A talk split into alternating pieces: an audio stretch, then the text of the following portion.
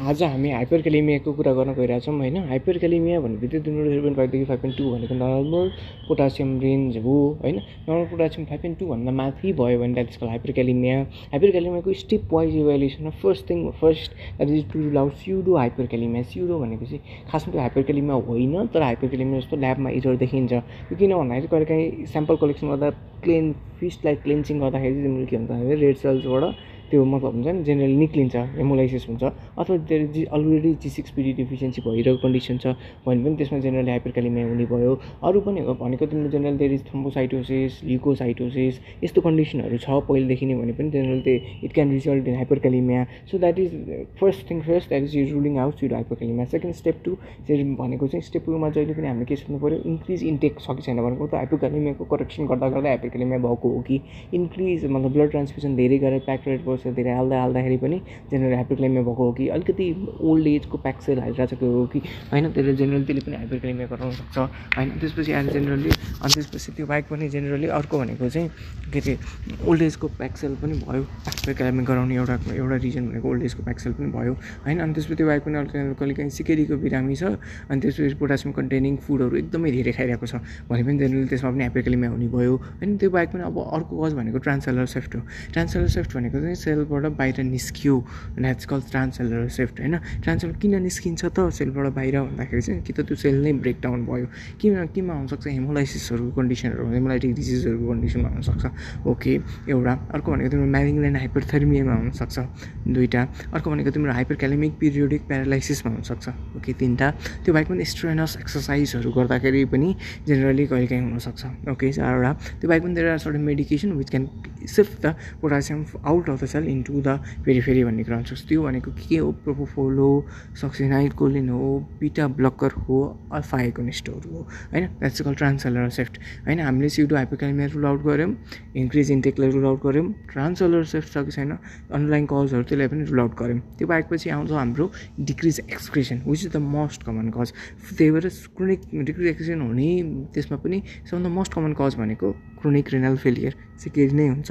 Generally हाइपरक्रेमियाको बिरामी always look for urea creatinine that's it always look do for USC होइन? USC गराउनै पऱ्यो होइन त्यसपछि आएर जेनरली त्यो गराइसकेपछि इम्पोर्टेन्ट कुरा के गर्नु पऱ्यो भन्दाखेरि चाहिँ हाइपरक्यालेमिया हाइपरक्यालेमिया तिम्रो सिकेडी रुल आउट भएपछि जेनरली अर्को कुरा के हेर्नु पऱ्यो भने अल्ट्रास्टोनको लेभल छ। अब यदि सिकेडी रुल आउट भयो भने चाहिँ हामीले के हुन्छ बेसिकली त प्रब्लम लाइज इन अल्ट्रास्ट्रोनको लेभल।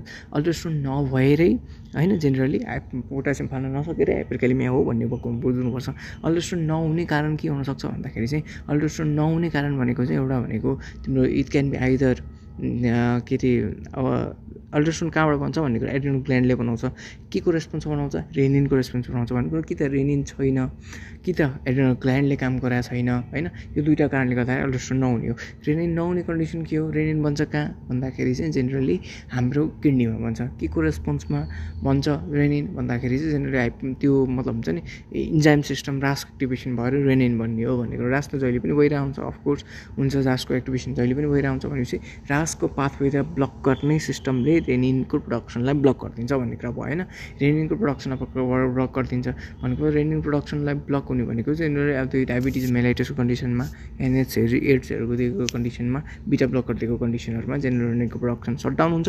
त्यसले गर्दा अल्ट्रासाउन्ड भन्दैन। This is also known as hypo reninaemic hypo अर्को कन्डिसन हुनसक्छ हाइपर रेनेमिक हाइपो भनेको मतलब रेनिन त छ तर अल्ट्रासोन राम्रोसित बनिरहेको छैन। त्यो भनेको के कन्डिसनमा हुनसक्छ भन्दाखेरि चाहिँ एड्रिनल फेलियर भनेको adrenal insufficient as कलनल Addison's disease congenital adrenal hypoplasia.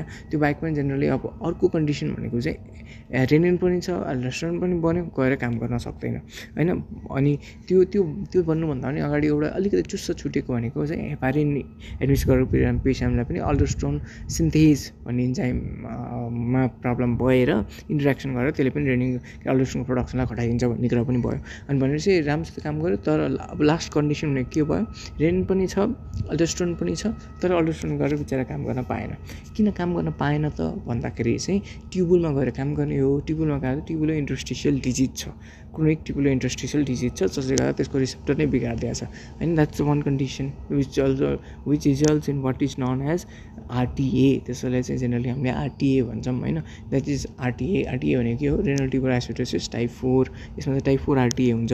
Tuber industrial disease भयो अल्ट्रासाउन्ड गरेर काम गर्न सकेन। अल्ट्रासाउन्ड काम गर्न नसकेपछि जेनरली पोटासियम तान्न सकेन के अरे पोटासियम फाल्न सकेन पनि फाल्न सकेन एसिडोसिस भयो हाइपरकेलेमिया भयो होइन जेनरली त्यसमा टाइप फोर आरटिएको यो मात्र कज हो त? हो लगभग यही कज हो मेन तर यो कज गराउनु के केले हो त भन्दाखेरि एसएलईले हो रिफ्लक्स नेप्रोपेथीले हो अब्स्ट्रक्टिभ हिरोपेथीले हो अनि त्यसपछि आएर जेनरली सिकल सेल नेप्रोपेथीले हो होइन? यो सबै कन्डिसन त्यो बाहेक पनि त्यहाँ सर्टेन ड्रग्स साइक्लोस्पोरिन ट्याक्रोलिमस होइन? पेन्टामाइडिन यस्तो ड्रग्सहरूले जेनरली के गरिदिन्छ भन्दाखेरि चाहिँ टाइप फोर आरटिए गराइदिन्छ।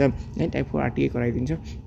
And that's it it can cause type four RTA भन्ने कुरा भइहाल्यो होइन। त्यो बाहेक पनि अब जेनरली हाम्रो अर्को कुरा के छ? टाइप फोर आरटिए पनि गऱ्यो। टाइप फोर आरटिए भयो होइन? टाइप फोर आरटिए भएपछि पछि इम्पोर्टेन्ट अर्को कुरा के गर्न सकिन्छ भन्दाखेरि चाहिँ एउटा भनेको टाइप फोर आरटिए पनि भयो। अर्को भनेको तिम्रो this is also known is acquired cause of pseudo hypoaldosteronism होइन? Genetic cause of pseudo hypoaldosteronism पनि हुन्छ। Genetic cause of pseudo हाइपोल्डोस्टोनलाई pseudo hypoaldosteronism genetic cause type one र टाइप टू भनेर डिभाइड गरेका छौँ टाइप वान भनेको चाहिँ exactly opposite to Liddle syndrome Liddle सिन्ड्रोममा general कि यी न्याकको गेन अफ फङ्सन म्युटेसन हुन्छ विच अटोजोमल डोमिनेन्ट यसमा चाहिँ अटोजोमल रिसेसिभ म्युटेसन एन्ड त्यसपछि is loss of function mutation of ENaC इन्याकको loss of mutation function mutation भएपछि जेनरली के हुन्छ भन्दाखेरि चाहिँ यसमा चाहिँ हाइपरक्यालिमिया एसिडोसिस अनि त्यसपछि हाइपरक्यालिमिया एसिडोसिस र मतलब नर्मल टु लो बिपी हुनसक्छ भन्ने कुरा अब तपाईँले लिडरमा के हुन्थ्यो हाइपोक्यालिमिया अल्कालोसिस र हाई बिपी हुन्थ्यो। त्यस्तै टाइप टूमा चाहिँ that is also opposite to Gitelman syndrome that is known as Gordon syndrome Gordon syndrome हुन्छ।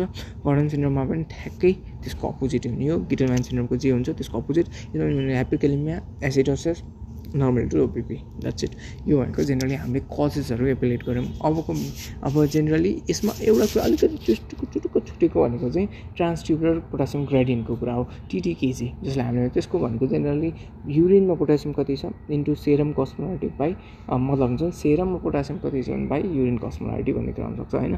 जेनरली तिम्रो टिटिकेजी नर्मल भ्यालु आठदेखि दस हुन्छ। अनि कि आठदेखि दस हुन्छ। आठभन्दा कम भइरहेको छ भनेको मतलब पोटासियम एक्सक्रिसन गर्न सकेन।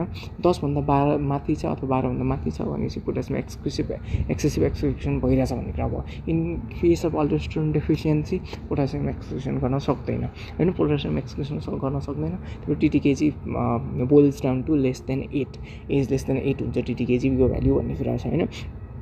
टिटिकेजीको भ्यालु लेस देन एट भइसकेपछि हामीले के बुझ्नु पऱ्यो भन्दाखेरि चाहिँ टिटिकेजीको भ्यालु लेस देन एट भयो भनेपछि मतलब अल्ट्रासाउन्डले गएर राम्रोसित काम गर्न सकेन भन्ने कुरा बुझ्नु पऱ्यो होइन? भनेपछि जेनरली त्यो अल्ट्रासाउन्ड गएर मतलब हुन्छ नि अल्ट्रासाउन्ड रेजिस्टेन्ट भएको कि अल्ट्रासाउन्डको डेफिसियन्सी नै भएको हो भनेर हामीले पत्ता लगाउनु त्यसलाई चाहिँ प्रुड्रा कोटेसन भन्ने हामीले दिने।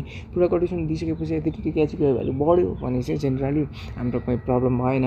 टिटिकेजीको भ्यालु घट अझ बढेन झन् घट्दै गयो भने चाहिँ जेनरली के हुन्छ अझ बढेन चाहिँ द्याट्स कल रेजिस्टेन्स भन्ने कुरा छ। त्यो भयो अनि अर्को भनेको जेनरली हामीले एप्रिकलिमीमा इभ्यालुएट गर्दाखेरि चाहिँ अर्को गर्न सकिने भनेको चाहिँ हाम्रो इसिजी हो। इसिजीको फाइन्डिङ तिम्रो के हुन्छ भन्दाखेरि चाहिँ depends upon the potassium level होइन।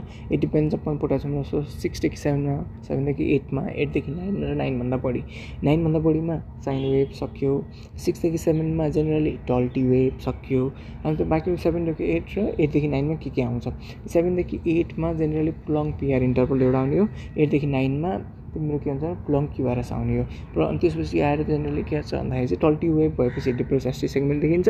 अनि यतापछि general flattening of the P wave पनि हुनसक्छ। द्याट्स यो हाम्रो